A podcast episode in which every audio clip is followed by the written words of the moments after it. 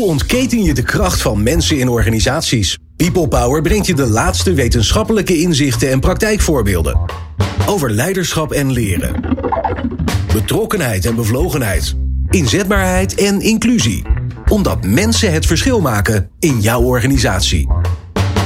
People Power met Glenn van der Burg. Met de krappe arbeidsmarkt is arbeidsmarktcommunicatie nog belangrijker geworden. Hoe onderscheid je je? Welke media gebruik je? Hoe zorg je voor een pakkende boodschap? En wat moet je ook vooral niet doen? We helpen je met raad en daad. En wat wel bijzonder is, we zijn vandaag ook live op LinkedIn. Dus als je deelneemt via LinkedIn, dan kun je je vragen stellen via de chat. Die hou ik in de gaten. Uh, dus mijn uh, mogelijkheden om te multitasken zijn ondertussen eindeloos. Uh, en dan als jij je vraag stelt, dan stel ik hem aan onze gasten, onze twee experts in de studio. Want de gast zijn Marcel van der Kwast. Hij is auteur van het inspiratieboek Arbeidsmarktcommunicatie. Zelfstandig arbeidsmarktcommunicatieadviseur en podcast-host, eigenlijk collega dus, van Hier is AMC. En Mitchell van Koert is ook de gast. Hij is senior consultant talent acquisition bij Achmea en werkt al jaren in het vak. Dus nou ook echt degene waar je al je vragen over kan stellen. Als je nou denkt van ja, hoe krijg ik het toch voor elkaar? Hoe ga ik nou ervoor zorgen dat we in deze belachelijke arbeidsmarkt toch nog goede mensen binnenkrijgen? Dat hoor je allemaal in deze aflevering van People Power. People Power met Glenn van den Burg. Marcel en Mitchell, wat leuk dat jullie er zijn. Ja, leuk. Um, ja, ook wel een, een soort hoogtepunt, toch Marcel? Na zoveel uh, podcast uh, te hebben gemaakt. Je bent eerder een keer bij mij te gast geweest. Maar je, je, bent, je hebt gewoon je eigen show. Ja. En, uh, en, en het is neergedwarreld in het inspiratieboek. Ja, nou let, letterlijk. Letterlijk, letterlijk neergedwarreld. neergedwarreld. Het, is, het is grappig, want mensen vragen dan: heb je een boek geschreven? Nou ja, eigenlijk is het antwoord nee. Ik heb geen boek geschreven, want ik heb, ik heb eigenlijk zo min mogelijk geschreven. Ik zag niet, niet zitten om zelf me op te sluiten en helemaal op te schrijven hoe het moest.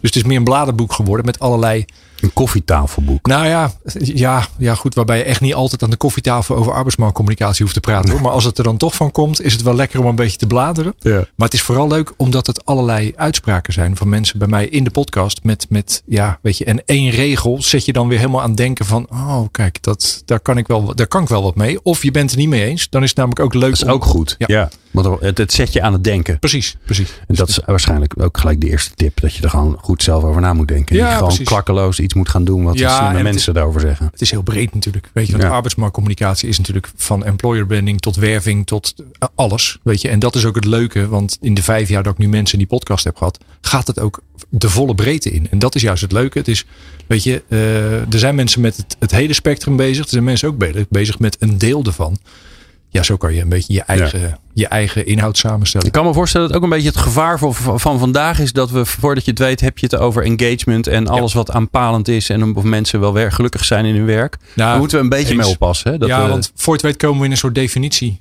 kwestie. Kijk, ja. uh, en, en dat is een beetje, ja, ik, ik pak hem wel vrij breed op altijd. Arbeidsmarktcommunicatie. Ja, wat is het eigenlijk? Want dat was namelijk mijn eerste vraag. Oh, denk, dan, dan hebben we in ieder geval scherp waar we het over hebben.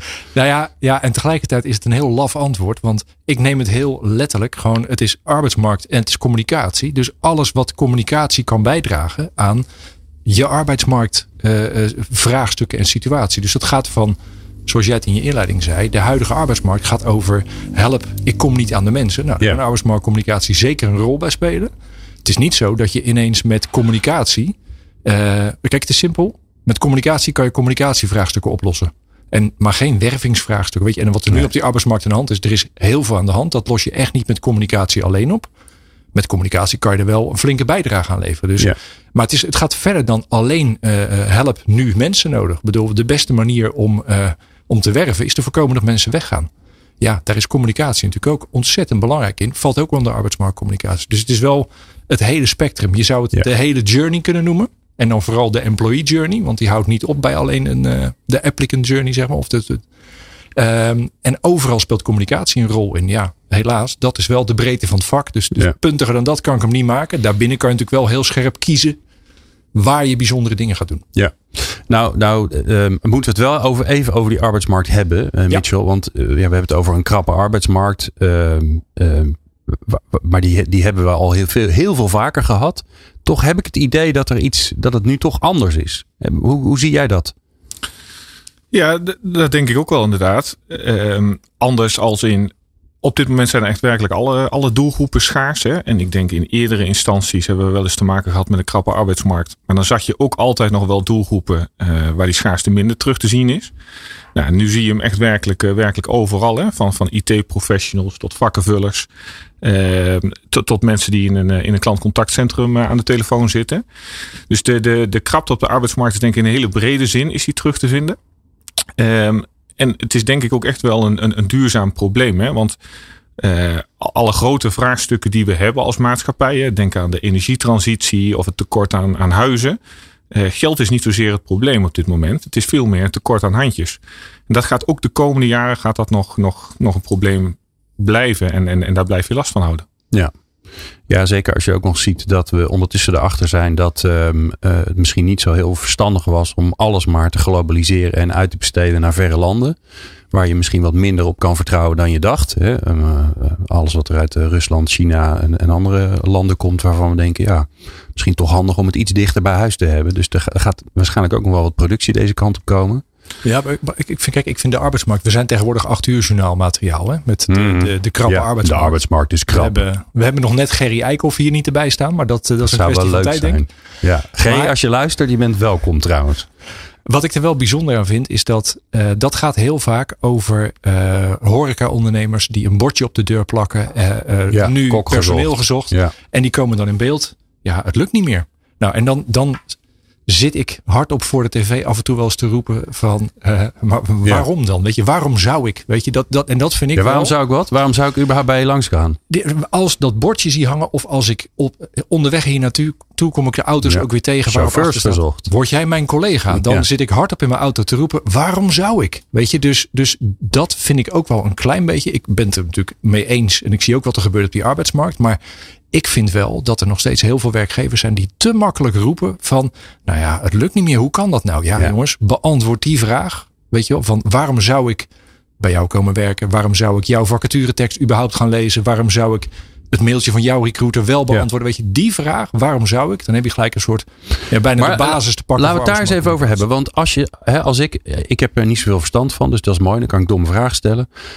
Als ik denk aan arbeidsmarktcommunicatie en ik denk even naar de meest basale vorm, namelijk je bent een niet al te groot bedrijf, eh, dus geen Achmea, eh, je bent een, een, een MKB'er met eh, 20, 30 mensen in dienst, dan is arbeidsmarktcommunicatie volgens mij tegen je collega's zeggen, hey shit, we hebben een vacature, er gaat iemand weg.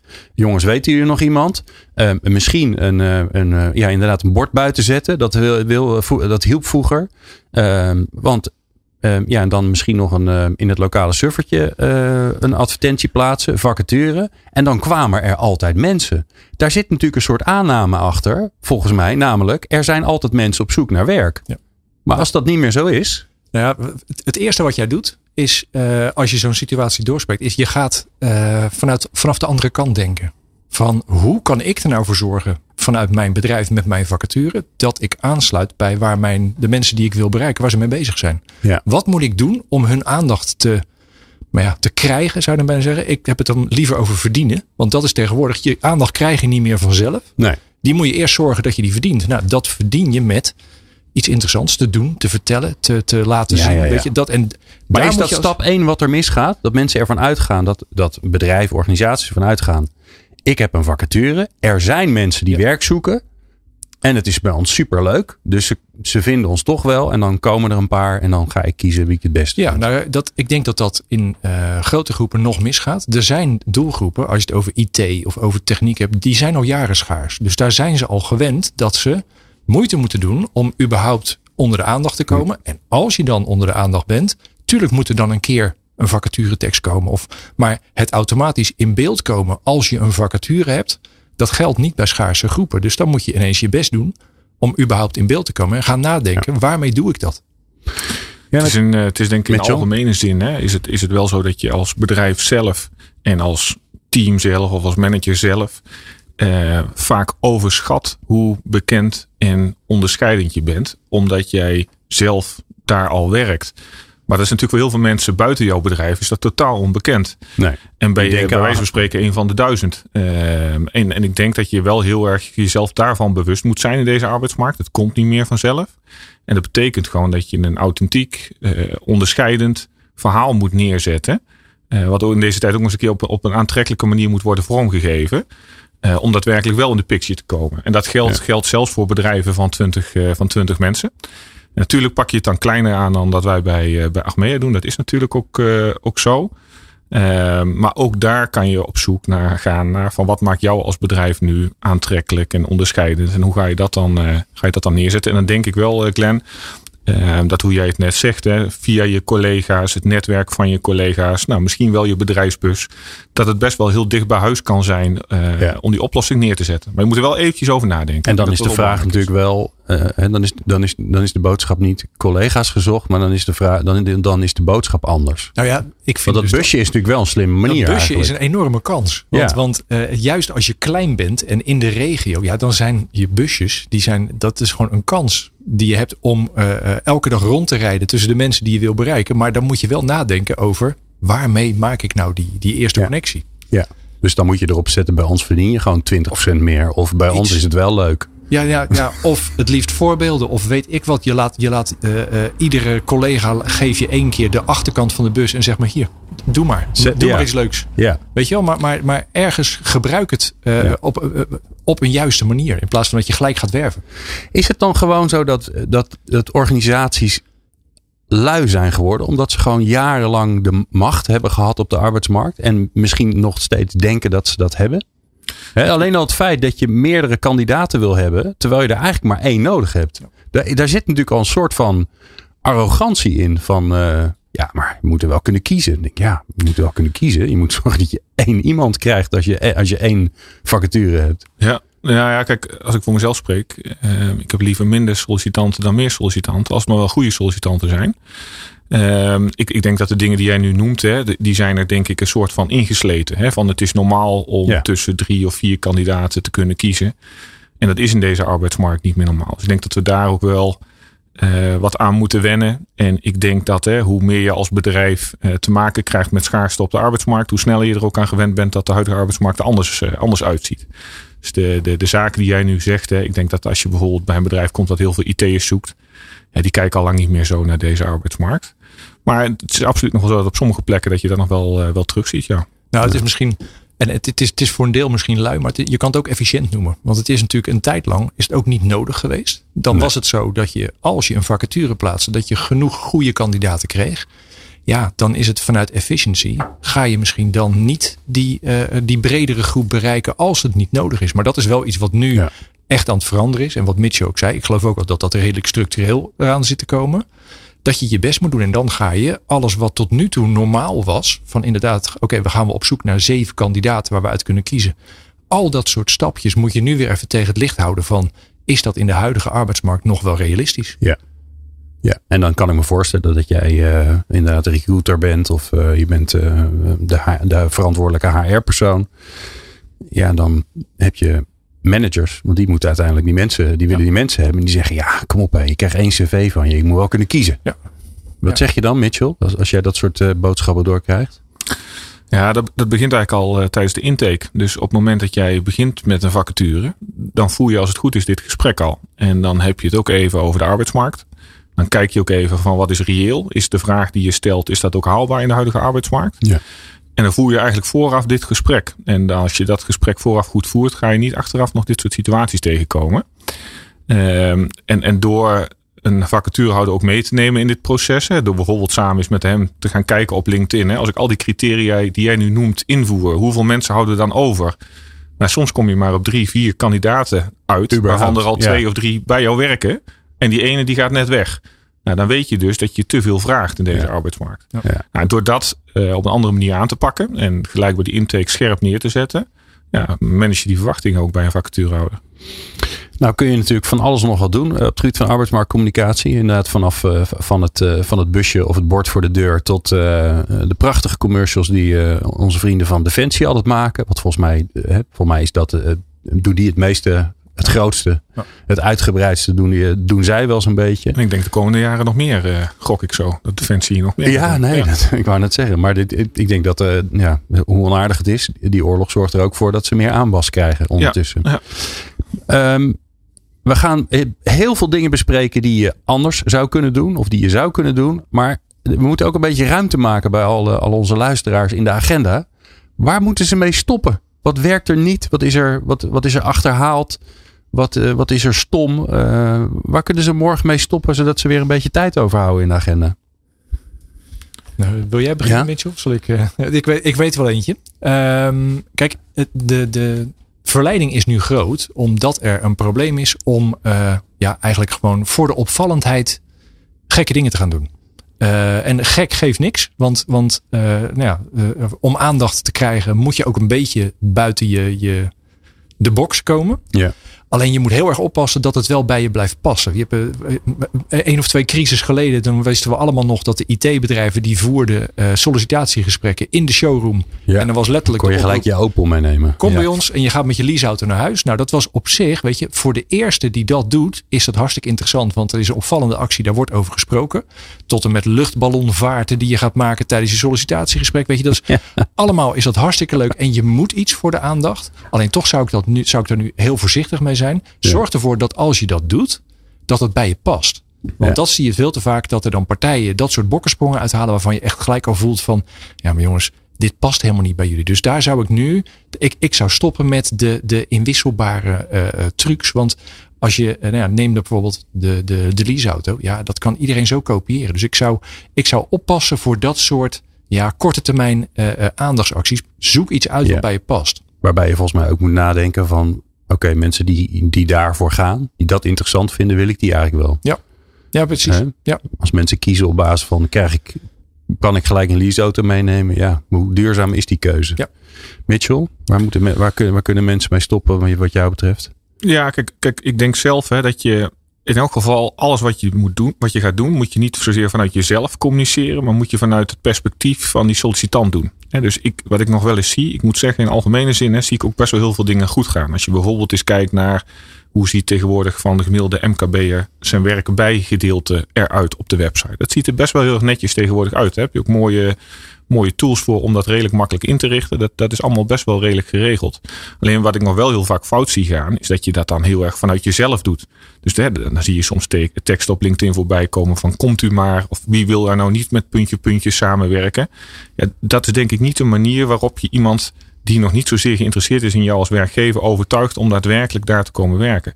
Dus ga echt, verplaats je nou eens in die sollicitant, hè, in die persoon die jou nog niet kent als werkgever. En ga nou eens vanuit dat perspectief je communicatie aan. En ga eens vanuit dat perspectief je vacaturetekst schrijven. Niet alleen vanuit jezelf. En wat ik me ook kan voorstellen is dat, ehm, ik weet niet, jullie weten dat beter dan ik. Er zijn natuurlijk heel veel mensen, er zijn mensen op zoek die denken, nou, ik ben een beetje, een beetje aan het eh, oriënteren. Die kijken een beetje rond. Maar er zijn ook heel veel mensen die dat niet doen.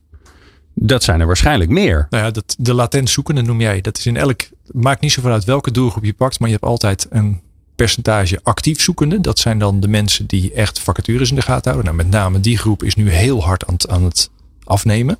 En dan heb je een hele grote groep die, die ja, de latent zoekende, die, die zijn niet actief op zoek naar vacatures, maar ja, die, die staan, staan open voor een, een goed aanbod. Alleen, je moet ze nog wel eventjes, je moet bij ze in beeld komen. Ja, En dan is het interessant, met een vacaturetekst bereik je die groep voor het grootste deel dus nee, niet. want ze zijn niet op zoek. Nee, Nee. nee. En ik, ik ken nog steeds niemand die vrijwillig vacatureteksten leest. Dus, dus Maar dan jij, moet je... jezelf misschien, Nou ja, nee, dat, ja, maar ik denk dat dat dan toch een soort beroepsdeformatie is.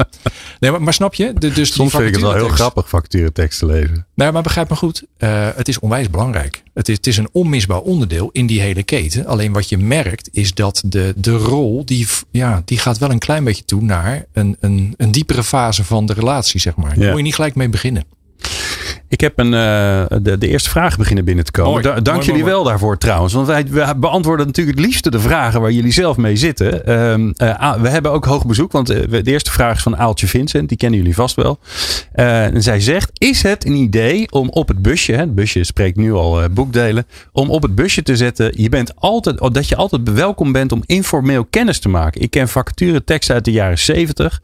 Dat is wel bijzonder, want zo oud ben je toch nog helemaal niet, oudje, eh, eh, Aaltje. Waar dat standaard in stond, als je, dat je eerst eh, informeel kennis mocht maken voordat je besloot te solliciteren. Dat is natuurlijk wel interessant. Ja, zonder meer. Alleen, alleen dan nog steeds, hè, als je dat aanbiedt, dan ga je er al, dan ben je de drempel aan het verlagen om de stap te zetten. Ik denk dat het hartstikke goed is. Ja. Aan de andere kant moet je dan nog steeds ook wel je best doen. De vraag blijft waarom. Waarom zou je een dagje informeel willen kennismaken? Dan Ja. moet er aan de andere kant al iets zijn. Weet je, ook, eh, maar die drempel verlagen. Weet je, in plaats van eh, vind je dit leuk, stuur dan nu je cv met eh, motivatiebrief binnen twee uur. naar- dat, die drempel verlagen is altijd goed. Ja. Maar aan de andere kant moet er ook wel ja, aantrekkingskracht zijn. Wa- Waarom zou ik, weet je, om maar op die vraag terug te komen, waarom zou ik ergens informeel kennis willen maken? Maar laten we hem eens pakken. We pakken dat busje. Een installa- installatiebedrijf. Mag ook best wel wat een grote, grotere zijn. Dat is natuurlijk een rondrijdend, eh, rondrijdende reclamezaal. Wat zou je er dan wel op zetten? Nou ja. Ja, maar kijk, ik ben langzamerhand wel, het is een beetje een afwijking. Dus ik, ik ben wel een soort van chef busjes. Ik heb, ik heb op mijn computer letterlijk een mapje staan met busjes. Ja, ja, ja. Oh. Maar, maar eventjes, vergelijk het busje maar van, eh, eh, nou, eh, ik kom zelf uit Pijnakker. installatiebedrijf Verbaco uit Pijnakker. Geen idee of, ze- of ze, even fictief voorbeeld. Ik, het is een echt bedrijf, maar ik weet niet wat er op de busje staat. Als die weten dat, weet je, als dat binnen ons dorp een hartstikke leuke club is. Eh, en dat hoor ik van mensen in mijn familie, in mijn omgeving. Van nou, die hebben, weet je, dat. dat en ik zie die busjes rijden. En er staat op die busjes iets waardoor die, waardoor die sfeer naar voren komt. Is elk busje wat rondrijdt, is wandelende. eh, Oké, dus je bevestigt eigenlijk datgene wat mensen een beetje in hun achterhoofd al weten. Laat de energie zien die je als club met elkaar hebt. Ja. En als je dat in het groot vertaalt, dan moet je maar vanavond alle busjes van Coolblue bekijken. Die maken namelijk wel werk van een busjes. Daar, daar rijdt een busje langs. Bus, punt, klopt, punt. Ja. Dan heb je gelijk even die glimlach. Die past bij de rest van Coolblue. Daar voel je die energie. Dus zonder nou Coolblue als heilig te, te, te, te, te benoemen. Want dat is een beetje het gevaar dat je altijd op Coolblue uitkomt. Maar ik vind in het geval van busjes, vind ik wel ja, een busje wat past bij het gevoel van de club. Dat is wel het voorbeeld. Ja. Maar om nog even eh, ook nog verder terug te gaan op de, ja, de vraag van, eh, van Aaltje. Ehm, ik, ik vind het wel echt een mooi idee. Hè? Want ehm, we, we hebben het ook geprobeerd tijdens de, de coronaperiode. Dus heel veel eh, mogelijkheden vielen toen weg. Hè? Er waren geen evenementen weer waar je naartoe kon gaan. Ehm, dus je moest op een andere manier met je doelgroep gaan communiceren. Nou, een van de dingen die we toen georganiseerd hebben vanuit Achmea is dat we de, eh, de Instagram kopjes koffie eh, georganiseerd hebben. En dat betekende eigenlijk, en daar heeft Marcel gelijk in, hè, mensen moeten dan sowieso al een keer die posts van ons zien, dat klopt.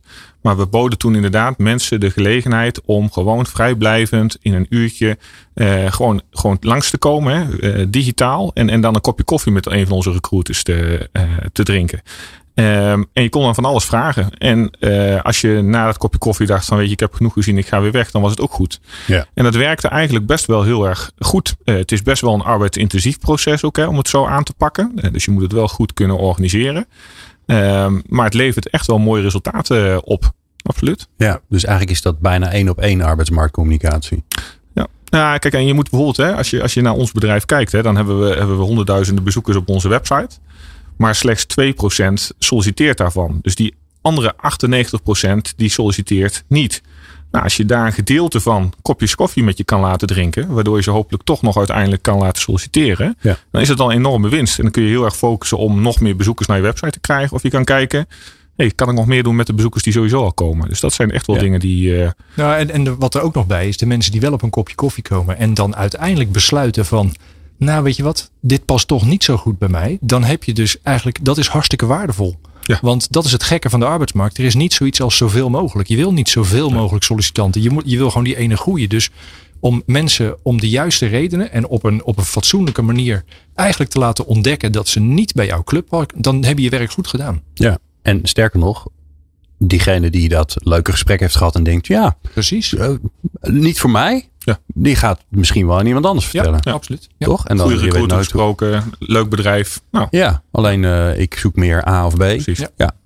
Nou, eh, er zijn heel veel bekenden ondertussen die eh, vragen gaan stellen of opmerkingen maken. Ronald van Driel, jullie volgens mij niet onbekend. Ja. Sterker nog, volgens mij heeft hij ook in een van jouw afleveringen gezeten, toch? Ja, staat in het boek, Marcel. geloof ik, hè? Staat in het boek? Ja, Ja. Oh, dan moeten we hem straks opzoeken wat voor briljants hij heeft gezegd. Die zegt, je moet stoppen met zelf vacatureteksten schrijven als je daar niet goed in bent. Ja. Foei.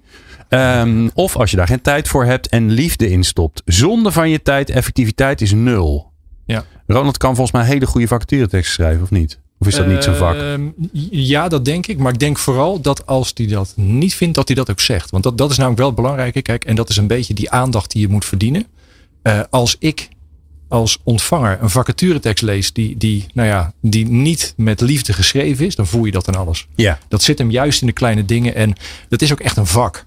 Uh, en daarom lees je wel eens een keer in onderzoeken van recruiters dat ze dat uh, een van de minst aantrekkelijke delen van hun eigen vakgebied vinden om die vacaturetekst te moeten schrijven. Maar hoeveel procent denken jullie dat nog steeds begint met ben jij en dan komt er een lijstje? Ja, ja, goed. Maar, ik, maar goed, ik, ik, ik heb er Ongeveer. niet genoeg verzand van om te zeggen of dat altijd slecht is. Ik denk dat je vooral uh, uh, goed oh, moet... Marcel, ik kom denk, op. Nou ja, dit, Als je toch zegt ben jij en er komen vervolgens tien dingen die bij elkaar opgeteld onmogelijk in een mens passen. Behalve dan in een of andere superster. Dat is toch gewoon per definitie heel stom om te doen. Nou ja, ik laat dat vooral over aan mensen die, dat, die daar echt goed in zijn. En die dat ook echt Ja. uh, hun ziel en zaligheid instoppen. Want ik ben ervan overtuigd dat je dat aan de andere kant voelt. Van dit is een tekst, nou jongen, dit, dit spat er vanaf. Of je voelt aan een tekst, oké, hier staat keurig opgelijnd wat we uiteindelijk met elkaar moeten gaan doen. Maar dan is het veel meer een soort contractvorm bijna. Ja. Dus in die zin ben ik het hartstikke met Ronald eens. Dat laat denk ik sowieso ook wel zien hè, hoe, hoe uh, omvangrijk die rol van recruiter eigenlijk wel niet is. Hè? Want je bent enerzijds ben je dus inderdaad copywriter. Anderzijds ben je marketeer, want je moet die factuur nog verkopen. Je, je bent letterlijk verkoper, hè, want je moet met mensen het gesprek aangaan. Uh, je moet een, een, een vacaturehouder moet je gaan managen. Dus je moet echt ontzettend veel aspecten uh, ja. beheersen als je een goede recruiter wil zijn. Je moet sourcen, je moet kandidaten kunnen vinden. En je ziet inderdaad best wel in de praktijk vaak zo dat een recruiter een aantal van die aspecten goed beheerst en heel erg leuk vindt. En een aantal van die aspecten wat minder leuk vindt.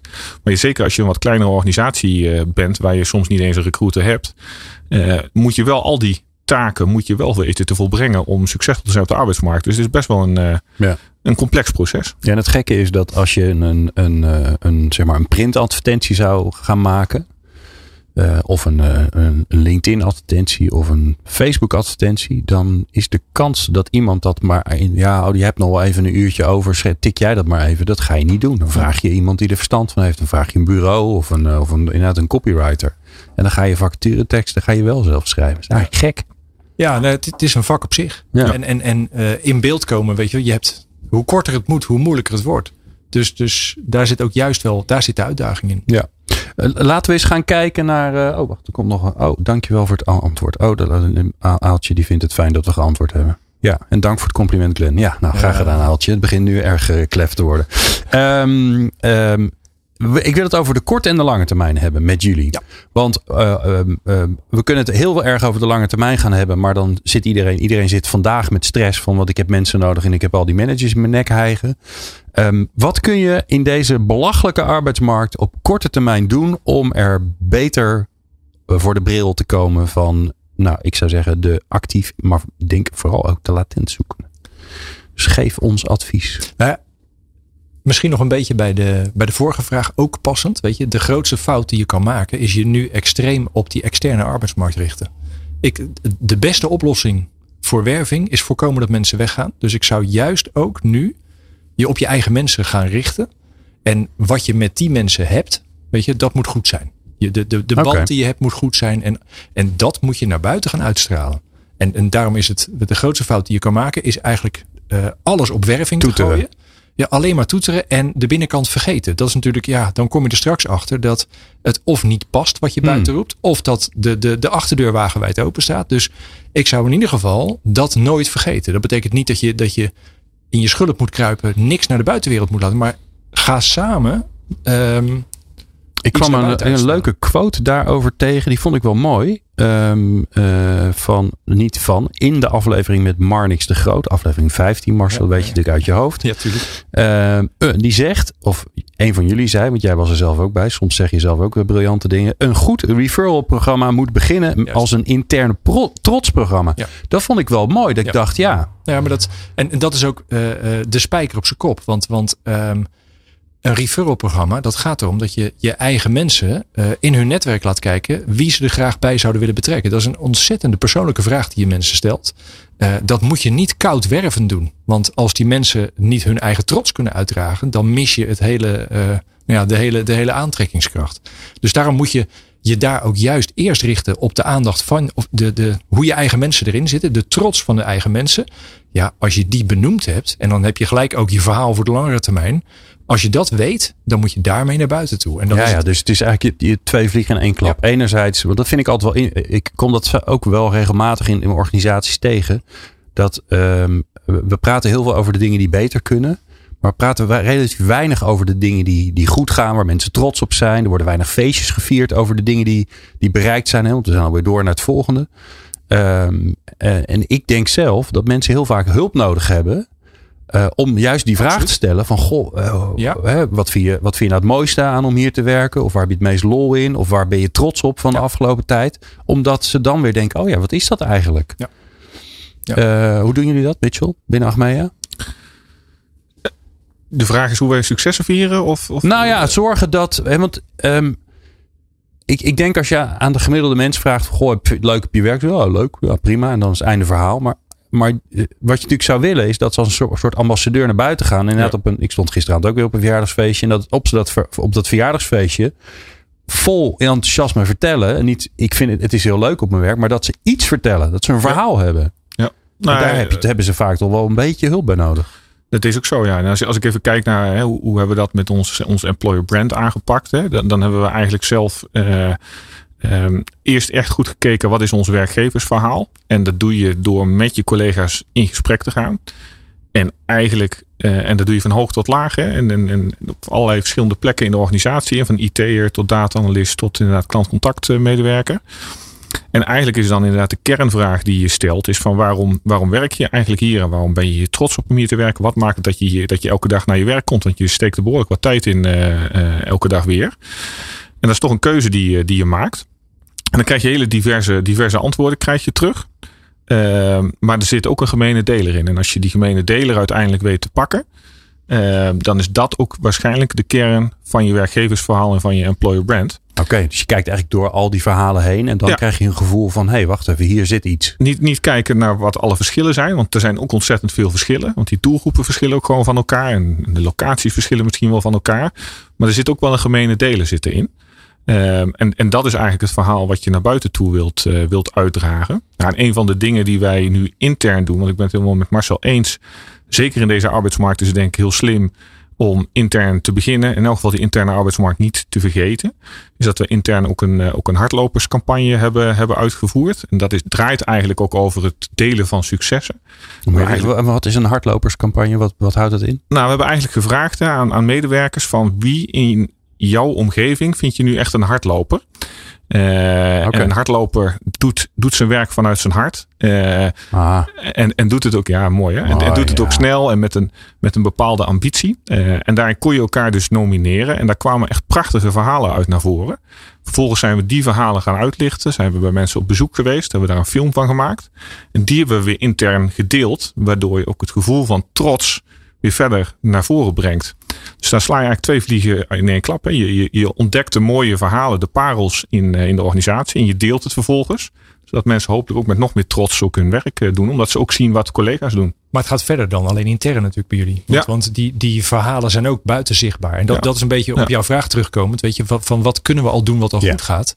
Kijk, eh, vergeet niet intern, maar blijf niet alleen intern. Want je moet natuurlijk nu wel die aandacht op die arbeidsmarkt zien te, zien te verdienen. Maar doe dat met, ik zou bijna zeggen, vier wat je hebt met elkaar.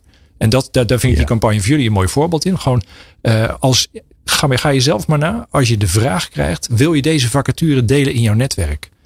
heel eerlijk, die vraag ben je na twee, drie keer ben je hem hartstikke zat. Want dan denk je, ja hallo, kom ik nou alweer? Dan ga- ik mijn hele netwerk weer in. Ja. Terwijl als je, eh, als je echt iemand weet voor die vacature, dan doe je het vrijwillig. Maar daarnaast moet je mensen veel meer dingen geven om te delen. Want een, een mooi verhaal over een collega of over een prachtig project wat we doen of over een nieuwe trein die in, eh, eh, in gebruik genomen wordt. Dat deelt voor mij veel makkelijker in mijn netwerk. Ja. Waarmee ik kan ja, laten want je zien. zit nu bij de NS. Hè, dan Ja. niet dat mensen denken, waar komt die trein ineens vandaan? Eerst busjes, nu treinen. Ja, Ja, busjes, ik ben, eh, ik je ben bent mijn van de trein hebben we gehad. Ja, Ja. ik ben van busjes naar trein aan het gaan. Nee, maar, maar het, het interessante is dat al dat soort dingen, dat geeft mij de gelegenheid om in mijn netwerk mijn enthousiasme te delen. Terwijl als je mij vraagt, wil jij ambassadeur zijn en zelf even een verhaal maken? Ja, dan maak je het voor mij te moeilijk. Want Ja. ik, ik ben met een ander vak bezig als techneut zijnde. Mijn vak is niet om verhalen over collega's te maken. Dus En dat is ook weer, als ik weer even terug ga naar arbeidsmarktcommunicatie. De rol van communicatie is wel veranderd. Want uh, met een flinke zak geld aandacht kopen met een campagne bij een, uh, bij een doelgroep. Dat kan nog steeds wel. Maar je bent veel meer bezig om gewoon je eigen mensen te faciliteren om ergens mee in beeld te komen. Weet je, ja, dus, ja. Want dus als je, gaat- de netwerken van al je collega's bij elkaar optelt, dan heb je waarschijnlijk al daar een enorm bereik. wijze interessante contacten. Alleen daar moet je, om die aandacht te verdienen, moet je wel iets maken. En dat, is, dat, dat moet geen platte reclame zijn. Maar dan moet je dus wel, eigenlijk als, als communicatieafdeling of als communicatiemens, moet je veel meer een soort ja, intern eh, eh, verhalen faciliteren. En ook wel op een goede manier maken. In plaats Ja. van dat je het de aandacht aan het kopen bent. Oké, dus je helpt eigenlijk je, je, je, je bestaande medewerkers, die help je om aan de buitenwereld te vertellen hoe leuk hun werk is. Eigenlijk, maar dan, dan moet je maar zeggen of ik doorsla. Maar ik, ik vind zelf als, als chef arbeidsmarktcommunicatie ben je ergens de beheerder van het podium. Je bent eh, eh, uiteindelijk, je staat zelf niet midden op dat podium. Maar je hebt wel een plan met het podium. Want eh, eh, nou, je wil een bepaald publiek trekken. En jij bepaalt in welke zaal welke mensen op het podium komen. Maar de belichting en de uitnodigingen, dat is allemaal wel geregeld. Maar de hoofdrol is niet voor jezelf. Nee. Dat is vooral mensen daar op het podium zetten en zeggen: Kijk eens, ik heb een podium voor je. Wil jij je verhaal vertellen? Ja, ja ik hoor je, dus, hoor je dus ook zeggen, jullie allebei eigenlijk zeggen, het moet, het moet heel menselijk zijn. Het moet over mensen gaan. Mensen die al werken in de organisatie, die zijn eigenlijk de beste afzender, maar ook de beste Ja. boodschapper van hoe is het nou hier om te werken. Ja, met, ja, met, met nog één ding. Dan, eh, dan, Maar dan ik- hou ik even ja. mond. Nou, wat het interessant is, uiteindelijk mensen die over hun werk vertellen, is een soort basislaag, die is altijd interessant. Alleen niet als eerste. Want als ik als eerste gelijk een gezellig iemand zie die zegt van wil jij mijn collega worden, dan ken ik die persoon nog niet. Die is nog niet interessant. Dus je moet er wel voor, zor- voor zorgen dat die mensen interessant worden voor je doelgroep. Maar is het, is het, tegen, het, het tegengestelde gevoel wat een beetje bij me op begint te komen, is dat eh, ik, ik zie me even, mezelf er even voor. Ik ben die recruiter of die, die enige HR-medewerker van die, hè, of de recruiter van die grote organisatie, of de enige HR-medewerker van het MKB-bedrijf. En er staan allemaal mensen voor, elke dag op mijn stoep en die zeggen: Heb je nou al vacatures? Want eh, we krijgen het project niet af en dit en maar dat. En de druk wordt hoger. En eigenlijk wat ik jullie een beetje hoor zeggen is dat je niet al te snel moet communiceren dat je mensen nodig hebt. Want je moet eerst, je moet eerst de harten van de mensen veroveren. Om daarna überhaupt te kunnen zeggen: Oh, by the way, je kunt hier nog werken ook trouwens. Nou, dat, dat, dat lijkt me wat ver gaan. Want inderdaad, zolang je die, die vacatures uiteindelijk niet openzet, dan zullen er ook geen mensen komen die daarop gaan reageren. Dus ik denk Nee, je- maar, ik- zie het filmpje van Marcel voor. Ja. Ik, zie, maar ik, ik, ben al in de NS. Ik zie voor me een leuke eh, day in the life van een, van, een, eh, van een machinist. Die volgen we. Leuk filmpje. Je ziet wat hij doet. En eh, je ziet hem lachen. En leuk met collega's. En hij komt op plekken. En het is lekker weer. Een mooi uitzicht vanuit de voorkant van die trein. En dan komen lammetjes in het veld. En weet ik veel wat allemaal. Prachtig. Dan roept dat bij mij op van... Nou, eigenlijk best wel leuk. Dan kun je in dat filmpje zeggen... Word collega. Ja. Of je kunt zorgen dat als diegene gaat googlen NS, dat je gelijk ziet, er zijn ook vacatures. Maar ja, laat ik zo Dat zeggen. maakt natuurlijk uit. Ja, maar waarom zou je eh, niet erbij zeggen dat je nu ook mensen zoekt? Want in die zin kan het net zo goed. eh, het kan maar duidelijk zijn. Iedereen snapt dat je zo'n filmpje, wat je ook maakt, dat je dat niet doet omdat je daarmee de wereld wil redden. Iedereen snapt wel dat je daar een boodschap mee hebt. Dus je mag hartstikke duidelijk zijn dat je eh schreeuwend op zoek bent naar mensen. Alleen dat moet niet je boodschap zijn. Als het de conclusie is, is het geen probleem, maar je moet met, een, met iets anders in beeld komen. De boodschap is: het is leuk om hier te werken. PS, we zoeken mensen. We, we zoeken nu mensen, lijkt het je wat? En dan komt Ja. weer de vraag, waarom zou ik? Nou, Ja, dat, dat zit moet je daarvoor. vooral laten zien. Ja. Je vacatures zijn eigenlijk als het ware je bewijsvoering. Het bewijs dat je daar ook kan gaan werken. Als je alleen een commercial van de NS maakt en mensen zien dat zonder dat er vacatures bij staan, is de kans heel groot dat ze denken dat je een treinkaartje wil verkopen. Terwijl je eigenlijk een baan wil verkopen. Ah, Kijk, slim om, om, om, de, om de banen bij te, bij te benoemen. En zeker nu, hè, want het feit dat je, dat je op zoek bent naar mensen, ja, dat, dat is bijna. eh, Dat is iedereen. dat, wordt, Ja. dat is het uitgangspunt. Dat, daar gaat iedereen vanuit. Dus het is niet zo dat je ineens moet- nu moet gaan investeren en pas over een half jaar kan gaan werven. Nee, helemaal niet. Alleen, je zal wel iets meer moeite moeten doen om ja, te Ja. bepalen waar je mee in beeld komt. Ja, en dan denk ik weer aan dat busje. Daar zit je dus niet achterop, wij zoeken mensen. Maar daar zit je achterop, het is hier super leuk om te werken. Dat Wil je ook je uitzicht? Wil je ook, weet je, Ja. maar dat is weer interessant. Dan moet je dus gaan denken vanuit degene die dat ziet. Ja. Wat is nou, en, en dan moet je heel erg kritisch zijn op je eigen organisatie. Van wat weten mensen eigenlijk van ons? Precies wat Mitchell net zei. Als je in een organisatie zit, ben je heel erg geneigd om te denken van. Oh, iedereen weet wel wat een. Nou ja, wa- wat je bij een provincie gaat doen. Nou ja, ga er maar vanuit dat niemand dat weet. Maar dat betekent dus wel dat je in alles wat je Ja. moet doet, moet je dat uitleggen. Nou, dan dre- dreig je heel snel aan voorbij te gaan als je elke dag in zo'n organisatie rondloopt. Dus Ja. blijf dan vooral denken vanuit die andere kant. Oké, dus eerst stap 1. Met collega's gaan praten, eh, verhalen ophalen, kijken wat, eh, wat, ja, wat, wat het is wat ze, waardoor ze gaan bubbelen in hun werk en wat ze er zo leuk aan vinden. Wat ook voorkomt dat ze niet ergens anders gaan werken, want dat, die optie is er natuurlijk voor veel mensen ook. En dan eigenlijk daarvan uit ga je een, ga je, ja, hoe noem je dat? Ja, dat, Uitingen maken. ja precies. Nou, dat is eigenlijk de basis voor je verhaal. Voor je werkgeversverhaal. En Ja. nou is een verhaal op zich, weet je, dat is, dat is je basis. En van daaruit ga je heel scherp op zoek naar dingen waarmee je in beeld kan komen. En hoe scherper dat wordt, ja, hoe kleiner het stukje van het verhaal is. Als het allemaal maar uit hetzelfde verhaal komt. Mooi. En dat is dan de oplossing voor de korte termijn, jongens. Nou ja, Ik, ik krijg nu, ik, ik verplaats me even, ik empathiseer met de, de gemiddelde recruiter. Ik voel dat mijn keel dichtgeknepen wordt. Want dan denk ik, ja, hier ben ik gewoon drie maanden mee bezig. En ik heb morgen mensen nodig. ja. Of is het antwoord, helaas pindakaas, zo werkt het nou eenmaal. Nou Dus- ja, dus het, het, het lijkt net of, als je het zo brengt, is net alsof je de keuze hebt. En natuurlijk, weet je, als je de keuze hebt om morgen iets aan te boren waarmee je binnen, eh, nou ja, binnen twee weken mensen op de stoep hebt, dan, dan moet je dat doen als dat Ja. een structurele oplossing voor je is. Alleen waar het om gaat in die krappere arbeidsmarkt is dat, die is er Ja. niet. nou ja, dat Misschien. is, als het er is, dan, dan moet je het gelijk doen. Maar je moet ook denken van wat is dan het plan voor de wat langere termijn. Maar, maar Ja. kijk, het is niet zo dat, je, dat we nu zeggen, eh, je, moet drie maanden lang wachten voordat je mensen binnenhaalt. Dat is helemaal niet zo. Nee, oké. Maar dit is, niet de, dit is niet de oplossing om, voor, om ervoor te zorgen dat er morgen wat gaat veranderen. Nee, Hé, je bent hier wel even mee bezig. Of Nou ja, overdrijf ik met die drie maanden, Mitchell? Kijk, ik denk zelf, hè, eh, ehm, we maken vaak een beetje in, deze, in dit verhaal ook het onderscheid hè, tussen een grote organisatie als de NS en, eh, en Achmea en de, en de kleine MKB'er met, eh, met 20 mensen. En organisaties als Achmea en de NS hebben bepaalde voordelen die je als, als kleine onbekende MKB'er misschien niet hebt. Maar een van de voordelen die je als MKB'er hebt, is dat je volgens mij gewoon kan zeggen als je nu een wervingsprobleem hebt. eh, zorg ervoor dat vanmiddag er een afspraak komt met drie, vier, vijf van jouw belangrijkste medewerkers. Ga met elkaar een uur, anderhalf om tafel zitten met een mooi whiteboard erbij. En stel die vragen die ik straks benoemde. Hè, van waarom, waarom werk je hier? Waarom werk je hier misschien al wel 15 of 20 jaar? Waarom ga je hier over een jaar nog steeds werken? Wat, wat drijft jou? Nou, als je dat met elkaar doet, ben ik ervan overtuigd dat je na een uur, anderhalf uur echt wel de contouren van je werkgeversverhaal hebt staan. En dan kun je in elk geval gericht aan de slag met vervolgens een vacature of met het inrichten van je busje. Ja. Maar dan kun je vervolgens aan de slag. Dus ik ben niet met je eens dat het nou per se zo heel veel tijd hoeft te kosten. Nee, maar het is wel slim om daarmee te beginnen en niet te beginnen met het schrijven van een vacaturetekst. Ja. Nou, en Ronald van Driel, van Driel zegt ondertussen, want die is getriggerd door het, eh, het mensen zoeken. Die zegt, je moet niet zeggen dat je mensen zoekt. Je moet zeggen dat ook jij morgen in die treincabine achter de stuurknuppel kunt zitten. Ja. Ja, Eh, nou, ja, lijkt mij wel gaaf om een keer te doen trouwens. Maar dat is weer, eh, nou weer ja, geen dat, doelgroep. Ik zal je de link straks sturen. Ja. Ik denk dat het echt wel iets voor jou is. je weet het maar nooit. Ja, maar ik ben nog mensen, Nee, maar laat, laat ik zo zeggen.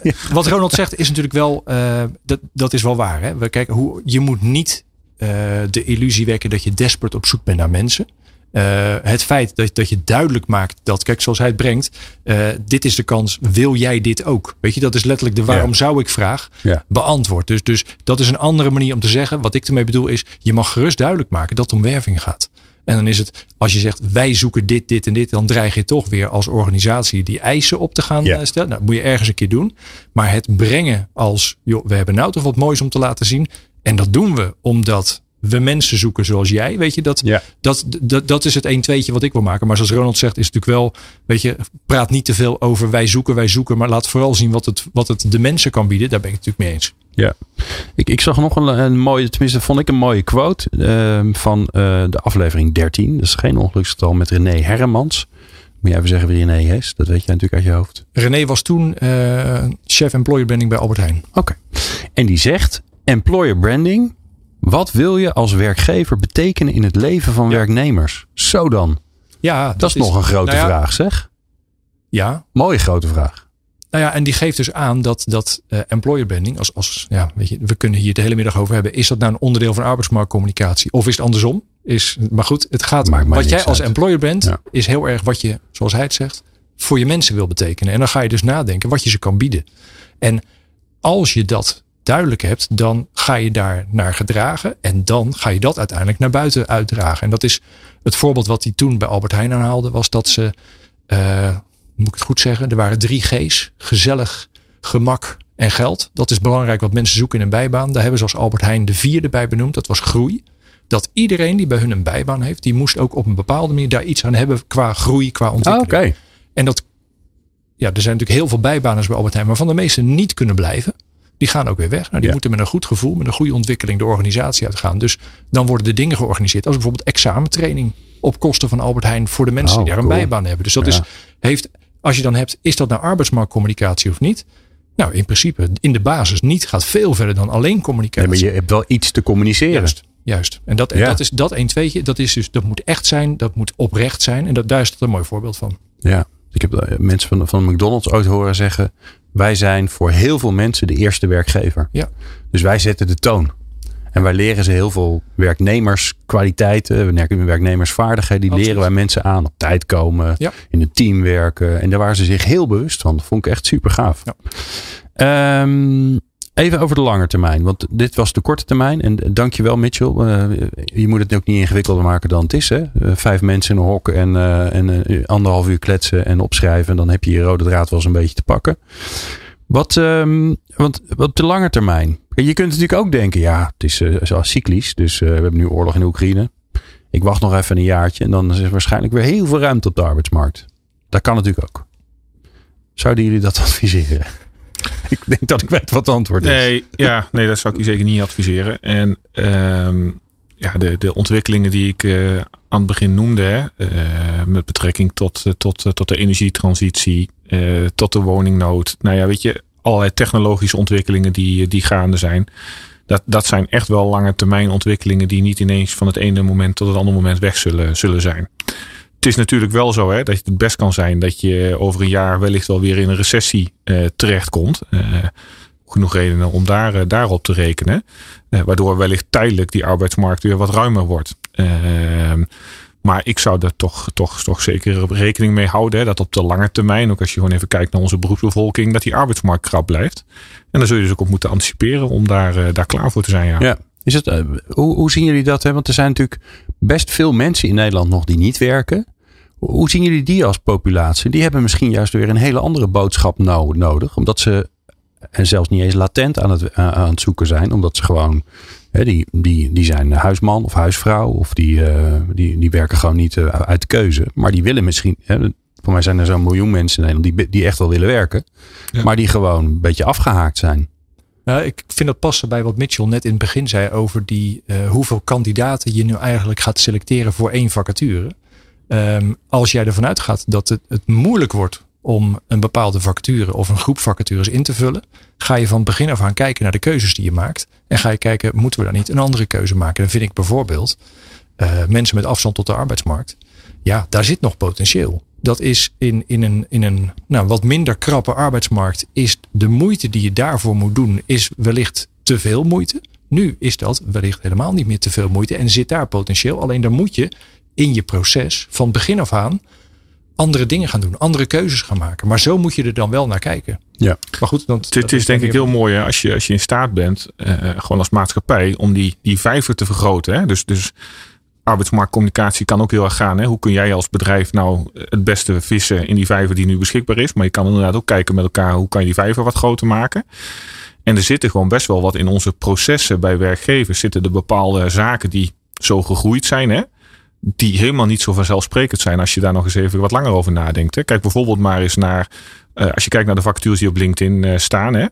Bijna al die vacatures staan gewoon fulltime eh, beschikbaar. Hè? Staan fulltime open. Hè? Daar staan 36, 38 of 40 uur. Maar inderdaad, als je bijvoorbeeld een, een arbeidsbeperking hebt, dan ben je er heel erg mee geholpen als je dat misschien wel in 20 of in 24 uur zou kunnen doen. Er zijn maar heel weinig vacatures die daarop ingesteld zijn. Als je met dat soort aanpassingen ook gewoon uit je eigen, eh, nou ja, uit je eigen, uit je eigen proces kan komen en daar gewoon ook wat breder naar kan kijken. Dan denk ik zelf dat je, dat je, dat je ook gewoon die vijver wat groter aan het maken bent. Dat het uiteindelijk voor ons als maatschappij ook goed is.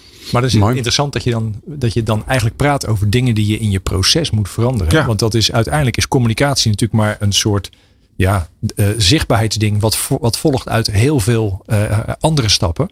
Maar dan is het basisproces van oké, okay, gaan we hem openstellen voor hoeveel uur en hoe gaan we dat plaatsen, hoe gaan we dat duidelijk maken. Daar worden echt, ja, daar kan je aan knoppen draaien waarmee het uiteindelijk in communicatie veel ja. Uh, in ieder geval heel anders wordt. En misschien veel meer mogelijkheden. Het is natuurlijk veel makkelijker, veel, of tenminste veel uitnodiger, uitnodigender om te zeggen. Samen met jou bespreken we over hoeveel uur je wil werken. Ja, ja. Hè? Dan, dan, dan heb je, vang je iedereen. In plaats van dat je zegt het is voor 32 uur. Want mensen die fulltime willen werken, die Ja. denken ja. Nou ja, bij jullie is het bijna fulltime, hè, bij Achmea. Ja, ja. Eh, maar die denken, ja, ik wil 40 uur werken. En uh, iedereen die minder wil werken, die denkt, ja, dit is ook niet voor mij. Dus eigenlijk een redelijk makkelijke manier om je, om je doelgroep een beetje te vergroten. Ja. Wij zijn uh, bijna door de tijd heen, mannen. Zo, zo rap gaat het als je over iets praat waar je vol van bent. Um, ik wil een, een afsluitende tip van jullie. Allebei. is fijn, hè? Gewoon in het algemeen? Of wil je nog nou, ergens... Uh... gewoon. en voor onze luisteraars die luisteren. En we hebben twee super experts in de studio. Die heel veel geleerd hebben in hun hele carrière. Die zijn allebei geen twintig meer. Uh, ik ook niet trouwens. En um, wat, um, ja, wat is een soort... Ja, dat is misschien wel goed. Wat is een soort van bril waardoor je heen bent gaan kijken door jouw vak? Ik kijk altijd zo. Ik begin altijd daar. Nou ja, het, het interessante is dat je... Uh ik, ik, ik ben wat dat betreft realiseer ik me dat ik volledig gedeformeerd ben. Maar ik zie boven mensen, bij wijze van spreken, als ik op straat kijk, zie ik wolkjes boven hun hoofd met waarop staat wat voor werk ze doen. Maar dat is wel de vraag waarmee het voor mij in heel veel gevallen begint. Vertel eens wat je doet. Weet je, vertel eens over je werk. En dat vind ik, uh, die is wel misschien bijna filosofisch, maar, maar kijk er op die manier naar. Want dan, dan blijf je weg met, uh, heb je die vacature gezien? Nee, maar ik hoor iemand vertellen over zijn werk. En dan is het, begint hij nou om te zeggen wat zijn vakgebied is? Of noemt hij eerst de naam van het bedrijf waar hij werkt? Nou, daar kan je al op afstuderen, bijna mm. op dat. Dus maar gewoon met zo'n open vraag van, joh, vertel eens. Vertel eens over je werk. Dan merk je dat je niet hebt over, vertel eens over de arbeidsvoorwaarden. Of vertel eens, ja. klein verschil. Ik heb wel eens bij een onderzoek gezeten dat de eerste vraag was, vertel eens over je werkgever. Dat werd helemaal geen leuk gesprek. Nee. Want dan komen er allerlei dingen die gaan over de relatie werkgever-werknemer. Ja, daar zit niet de meeste energie. Maar vertel, vertel, eens, wat, vertel eens over je werk. Wat doe je? Als het daarmee begint, ja, dan is het in ieder geval, dan zit er leven in. Mooi. Ja. Als ik een, een afsluitende, nou ja, ik zal, ik zal het korter houden, maar uitsmijter. Uh, zou ik zeggen, uh, stop met selecteren en ga over op matchen. Uh, daarmee wordt het gelijkwaardiger. En ga je kijken naar de mogelijkheden in plaats van de onmogelijkheden. Mooi. En dat hoort dus door te klinken in jouw arbeidsmarktcommunicatie. Nou, in je hele recruitmentproces ja. zelfs. Ja. Dus, uh, en dan ga je bijna ook scouten buiten de deur, toch? In plaats van dat je gaat, gaat werven. Dan ga je ja. veel meer. Ja, ja, mooi. Mooi. Ik dank jullie beiden zeer. Uh, Marcel van der Kwast uh, van het prachtige boek, uh, het inspiratieboek Arbeidsmarktcommunicatie, verkrijgbaar in de betere vakboekhandel. Um, en ook nog eens een keer, natuurlijk, als je veel meer wil luisteren op dit gebied, dan moet je op zoek gaan naar de podcast. Hier is AMC. Want daar zijn, uh, hoeveel afleveringen Marcel ondertussen? 53. 53 stuks al te beluisteren. En Mitchell van Koort, dankjewel. Leuk dat je er was uh, van Achmea. Uh, ondertussen besef ik me dat Achmea heel vaak bij mij te gast is. Maar ja, daar is een reden voor, want jullie doen gewoon ook spannende en leuke dingen. En jij natuurlijk bedankt voor het luisteren en het kijken. Ik zwaai nog even naar de camera. Dag allemaal. Um, meer luisteren kan natuurlijk via peoplepower.radio. Dankjewel. Meer afleveringen vind je op peoplepower.radio en jouw favoriete podcast app.